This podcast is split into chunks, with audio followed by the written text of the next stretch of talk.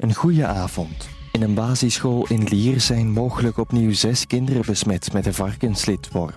Eind vorig jaar bleken al vijf kinderen in die school besmet. Het departement Zorg startte toen een onderzoek met hersenscans. Daarvan zijn de resultaten nu binnen. Joris Monens. Bij vier tot zes kinderen vinden we letsels die wijzen op zo'n mogelijke besmetting, maar zonder dat zij symptomen hebben. We zijn ook eh, zo goed als zeker dat al deze besmettingen in een verleden zijn gebeurd en er vandaag geen besmettingrisico's meer eh, aanwezig zijn eh, op de school. Ze bekijken nu of er nog bijkomend onderzoek nodig is. De varkenslintworm kan best gevaarlijk zijn en komt bij ons normaal niet voor. Ons land zal mogelijk nog meer vliegtuigen met hulpgoederen sturen naar Gaza. Dat bevestigt premier Alexander de Croo. Maandag vertrekt vanaf Mijlsbroek een eerste vliegtuig met hulpgoederen naar Jordanië, om die daarna te droppen boven Gaza.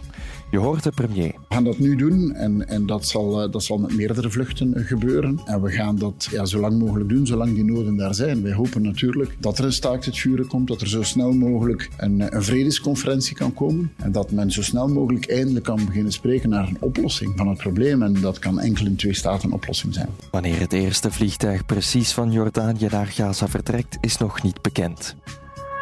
Restafval op evenementen is in een jaren tijd met 40% gedaald en veegvuil zoals bekertjes met 60%. Blijkt uit cijfers van afvalstoffenmaatschappij OVAM. Jan Verheijen. Sinds juni vorig jaar mogen op evenementen enkel nog dranken geserveerd worden, herbruikbare materialen. Voor evenementen van lokale besturen was dat al langer van kracht. Toont aan dat de inzet van uh, herbruikbaar cateringmateriaal echt wel een impact heeft op de afvalberg. De voorbije winter was de tweede warmste winter ooit. Dat blijkt uit cijfers van het KMI. In Ukkel was de gemiddelde temperatuur 6,3 graden. Dus meer dan 2 graden warmer dan gemiddeld. Enkel in 2007 was het nog warmer, met gemiddeld 6,6 graden. De voorbije winter was ook de derde natste sinds het begin van de metingen.